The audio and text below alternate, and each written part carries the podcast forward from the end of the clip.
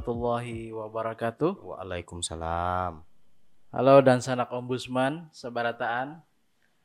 Jumpa lagi di podcast ombudsman. Podcast yang membahas tentang ombudsman dan pelayanan publik. Bersama saya Rujali Nur dan telah hadir bersama saya Bang Beni Sanjaya. Wah, Apa kabar Bang Beni? alhamdulillah Bung Jali. Baik, sehat, makmur. Terima kasih Bang sudah bersedia hadir di podcast ombudsman. Siap, makasih juga sudah berkenan mengundang. Bang Beni ini eh, kepala keasistenan di bidang penerimaan dan verifikasi laporan perwakilan Kalimantan Selatan. Eh, kali ini Bang eh, kita akan membahas eh, pelayanan publik di bidang informat eh, informatika ya. Wah, berat nih Informasi isunya nih. ya. Eh, yaitu tentang akses internet di pedesaan, Bang. Betul. Nah, kan beberapa waktu yang lalu ombudsman sudah pernah melakukan apa tinjauan akses masyarakat terhadap pelayanan publik termasuk juga internet. Mm-mm. Mungkin Bang bisa eh, diceritakan bagaimana sih eh, akses internet di bagi masyarakat di desa seperti itu. Hmm. Jadi gini, Mas Rujali, Oke. sebelumnya kan kita mesti tahu dulu nih bahwa internet ini ternyata dibutuhkan oleh seluruh masyarakat. Oke. Tidak hanya kawan-kawan di perkotaan, Mm-mm. tetapi juga termasuk di kawan-kawan di daerah perdesaan atau Iya. daerah-daerah perbatasan. Kenapa? Karena tentunya internet ini perlu untuk sarana aktualisasi Hmm. informasi bagi Hmm. masyarakat dan juga justru dapat mengangkat perekonomian masyarakat nih Oke. dengan adanya jaringan telekomunikasi yang baik Hmm. dan memadai di daerahnya. Mm-mm. Ombudsman di pertengahan tahun 2021 udah Hmm. pernah tuh memantau langsung ke lokasi-lokasi di Oke. desa-desa perbatasan Oh, Oke. perbatasan di sini jauh dengan pusat-pusat pemerintahan. Oke.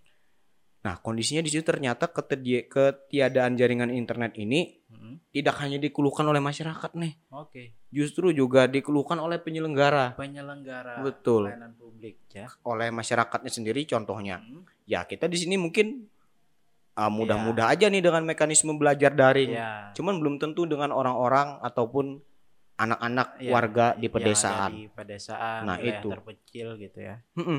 Nah, bagi si pemerintahnya sendiri juga waktu kemarin kan lagi rame-ramenya vaksin nih. Ya. Ya, para nakes pun kesulitan Bung Jali untuk mengakses Oh, uh, database, vaksin database. tersistem Hmm. karena di situ ketiadaan jaringan dari Ya, internet ya, ya. dan juga bagi uh, aparat-aparat di kecamatan juga sulit nih Hmm. mendata terkait dengan kependudukan Oh, dan pencatatan sipil. Ya, Nah. untuk perekaman gitu ya. Betul. Alhasil juga pelayanan publik yang berprinsip harusnya cepat, Ya. murah. Nah, itu menjadi mahal karena Oke. warga pedesaan otomatis juga dialihkan ke pusat kota untuk merekam data. Nah, Hmm. jadi pada intinya perlu nih ada pemerataan jaringan Oke. internet Berarti, di desa dan eh, perkotaan. masyarakat desa masih terkendala untuk Mm-mm, akses betul internet sekali. ini. Mm-mm. Sementara sekarang ini eh, internet itu sudah menjadi kebutuhan yang mungkin hampir mendekati primer gitu ya. Betul. Karena setiap eh, aktivitas kita sangat tergantung dengan internet Mm-mm. seperti itu. Betul sekali Mas Termasuk Gali. terkait data dan sebagainya tadi. Mm-mm, benar Nah, sekali. Lalu kan saat ini apalagi ini kita masih di masa pandemi ya. Mm-mm. Bang Benny.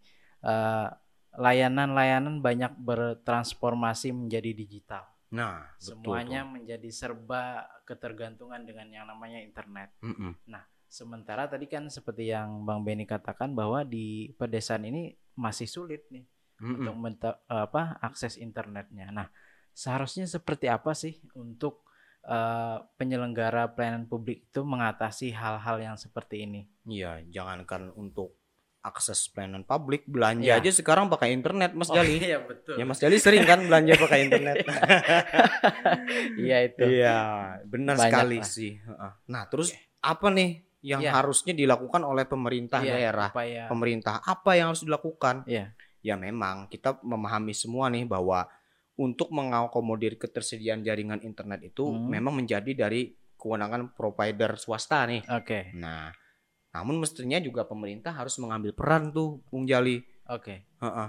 Nah, gini, pemerintah daerah itu bisa melalui Dinas Komunikasi dan Informasinya Oke. itu bisa bekerja sama nih harusnya dengan provider swasta Provider gitu ya. secara bertahap membangun Hmm. jara- jaringan telekomunikasi di desa. Oke. Selain un- bertujuan untuk membuka keterisolasian tadi kan bagi Ya. di sisi aktualisasi informasi juga untuk mengurangi kesenjangan terhadap tata wilayah nih Mas Jali Oh. antara perkotaan dan masyarakat di pedesaan. Mestinya itu dilaksanakan. Mhm. Tuh. Berarti termasuk juga nanti berpengaruh kepada eh, apa tingkat pendidikan itu sendiri gitu ya, Mm-mm, akses terhadap apa bahan-bahan pembelajaran misalnya Betul. kepada eh, eh, apa anak-anak di desa-desa tersebut. Sekarang kan tidak lagi semuanya eh, dengan buku ya. Ya, Ada paperless. apa e-book seperti itu, Heeh. PDF yang sebenarnya itu lebih murah, lebih praktis yang bisa diakses oleh masyarakat dengan Mm. catatan internetnya mudah. Ada, bisa diakses. tersedia. Nah,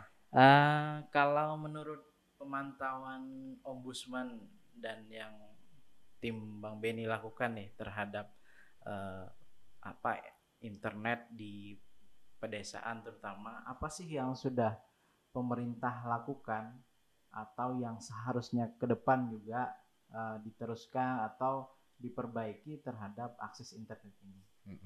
Kita lihat di lapangan bahwa ternyata Hmm. itu menjadi keluhan tidak hanya di salah satu desa, cuman merata Mas Jali. Oke. Hampir di semua wilayah itu terkendala nih dari hal sisi aktualisasi informasi melalui internet. Oke. Nah, terus gimana nih solusi ke depannya nih? Hmm. Ke depannya mestinya. Nah, ini kan uh, kita telah menyusun peraturan daerah nih yang Oke. mengatur tentang rencana tata ruang dan tata wilayah. Peraturan daerah provinsi atau Betul, provinsi, ya? RTW. Kalimantan Selatan. Dan itu tentunya berlaku puluhan tahun dong tentang Iya. RTW ini. Nah, mestinya pemerintah daerah perlu nih memuat ren- rencana di sisi pengembangan terhadap penyediaan sarpras telekomunikasi Oke. termasuk memprioritaskan penyediaan sarana akses jaringan internet itu di desa-desa yang Oke. tentu tertentu nih yang mulai padat penduduknya. iya. Nah, itu mesti diwujudkan di dalam uh, perda. Itu bisa nih. Hmm, Nah, Oke. Nah, tujuannya apa? Itu ya tentu tadi Mas Jali untuk mengurangi kesenjangan tata wilayah Hmm. antara masyarakat di desa dan di perkotaan. Nah, bila stagnan saja, nggak ada perubahan, nggak ada dipantau lebih lanjut, boleh jadi nanti masyarakat desa semakin tertinggal. Iya. Tidak eh, itu tidak bisa mengikuti perkembangan era digitalisasi. Iya. Nah, akhirnya masyarakat memilih hidup ke kota nih Hmm. karena akses telekomunikasi lebih mudah Iya. dan Yanlik juga lebih mudah Iya, nih diakses. di kota. di Nah. gitu ya. Pertanyaannya nanti siapa lagi yang mau jadi nelayan dan jadi Iya, petani kalau semuanya pindah ke kota karena mengejar akses yang lebih mudah. Mestinya Oke. itu perlu dipikirkan dari sekarang. Berarti ini efek dominonya Jali. berat ini ya.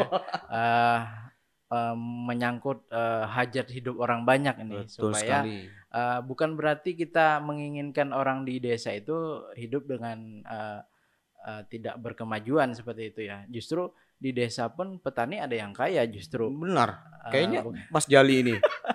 Iya, itulah intinya. Eh, sahabat ombudsman eh, dan sanak ombudsman di mana pun berada, eh, mungkin juga dan sanak ini kan berada di pedesaan gitu Bang, Mm-mm. ya, dan juga mungkin eh, di situ kan ada pemerintahan desa, bang. Mm-mm, benar. Nah, Jali. sebenarnya pemerintahan desa ini ketika dia dia kan punya status tuh desanya desa terpencil, terluar dan pasti juga terkait akses internet pasti apa su- sulit lah seperti Heeh. itu.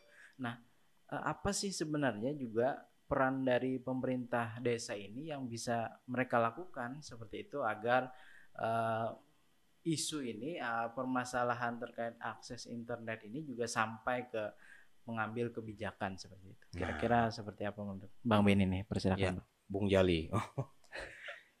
Jadi sebelumnya nih eh, pernah diberitakan nih, Mm-mm. dikabarkan bahwa Menkominfo itu menargetkan pembangunan jaringan 4G nih di 1000 Seribu. di 12.548 desa kalau nggak salah Oke. di desa dan kelurahan di Indonesia. Nah ini harapannya Iya, kan Iya. dari target harapannya- tadi juga mencakup penyediaan akses jaringan internet di beberapa provinsi di wadah kita nih, Oke. di provinsi kita nih di Di Kalimantan Selatan. kabupaten kota di Nah. Kalimantan Selatan gitu ya. Nah, nah, kaitannya dengan eh, apa yang bisa dilakukan oleh aparat desa Ya. nih Mas Jali ya. Nah, aparat desa ini mesti aktif nih, Oke. aktif melalui musyawarah di kecamatan setempat. Nah, itu kan Selembang selalu gitu ya. dilaksanakan nih. Ya. Nah, artinya nggak stagnan, nggak Ya. cuman pasif nih menunggu Oke. ah nanti kapan nih internet Ya. masuk desa. Cuman dia harus bisa menyuarakan itu di musyawarah di tingkat kecamatan. Ya. Nah, itu untuk mengusulkan penyediaan sarana te- telekomunikasi nih. Hmm. Nah, Hmm. itu secara berjenjang Ya, ya. berjenjang. Dari pihak kecamatan pun juga secara berjenjang itu menginformasikan kondisi kewilayahan kecamatannya ini nih Iya. ke pemerintah daerah Iya. agar bisa menjadi sorotan nih. Kemudian untuk diusulkan dalam target pembangunan jaringan internet tadi Oke. yang disebutkan ada 12.000 tadi. Oke. Jadi kita perlu mendorong nih Ya, kawan-kawan di pedesaan juga para desa untuk berani untuk Iya. bisa menyampaikan ini di Iya. tingkat kecamatan Iya. agar berjenjang juga nanti di tingkat pemerintah daerah. Iya. Harapannya agar desanya juga cepat terakomodir nih di Oke, sisi oke. Karena informasinya. eh, ini juga karena masih pandemi dan sebagian siswa juga masih Hmm. pembelajaran jarak jauh, maka internet ini sangat diperlukan. Sangat diperlukan. Ya, kalaunya di kota senang-senang aja tuh dapat Iya. kuota gratis, gratis. ada Oh, subsidi iya. Cuman dari pemerintah, pemerintah gitu ya. daerah. Cuman itu nggak bisa kita pukul rata dengan Iya. pelayanan publik di pedesaan karena Dia dapat kuota tapi nggak bisa digunakan Eh, ya iya. percuma kan. benar itu Bung Jali. Oke oke oke. Nah ini tak terasa kita sudah di akhir Bang Beni. Mm-mm. Oh, Eh, sudah di akhir ya? Saya iya. kira baru mulai sudah nih. di akhir sesi ini. Eh, mungkin ada closing statement Bang terkait dengan tema kita hari ini akses internet di desa. Nah, jadi undang-undang tentang desa Ya. itu sudah mengatur nih bahwasanya hak untuk memperoleh informasi juga Hmm, diakomodir bagi masyarakat pedesaan. Oke. Nah, di era sekarang informasi itu tidak hanya dari mulut ke mulut, dari Oke. TV ke TV, cuman Oh, juga dari aktualisasi di era digital, Oke. di dunia internet. Jadi untuk memenuhi itu, pemerintah daerah mestinya peka nih Oke. dengan itu nih, dengan hak masyarakat di pedesaan juga. Nah, walaupun itu domainnya di era di daerah swasta nih, di wilayah swasta nih untuk menyediakan Ya. itu. Cuman pemerintah daerah itu mestinya uh, memikirkan atau menstrategikan di Hmm. jangka panjangnya untuk Ya. memenuhi kebutuhan informasi telekomunikasi di pedesaan. termasuk dengan mempermudah perizinan juga gitu ya. Betul, heeh. Jangan sampai eh, provider sudah mau membangun justru dipersulit Iya. Nah, seperti itu atau ada penolakan dari masyarakat dan sebagainya justru Mm. harus difasilitasi gitu Iya. Ya. karena untuk tujuannya juga selain sarana aktualisasi bagi masyarakat, internet tadi ya juga itu untuk mendongkrak perekonomian di masyarakat pedesaan Iya, tentunya. Kita sudah beralih ke digital juga Bang. Betul. Betul sekali. Oke. Dan sanat Ombudsman Seberatan, eh, demikian podcast Ombudsman kali ini.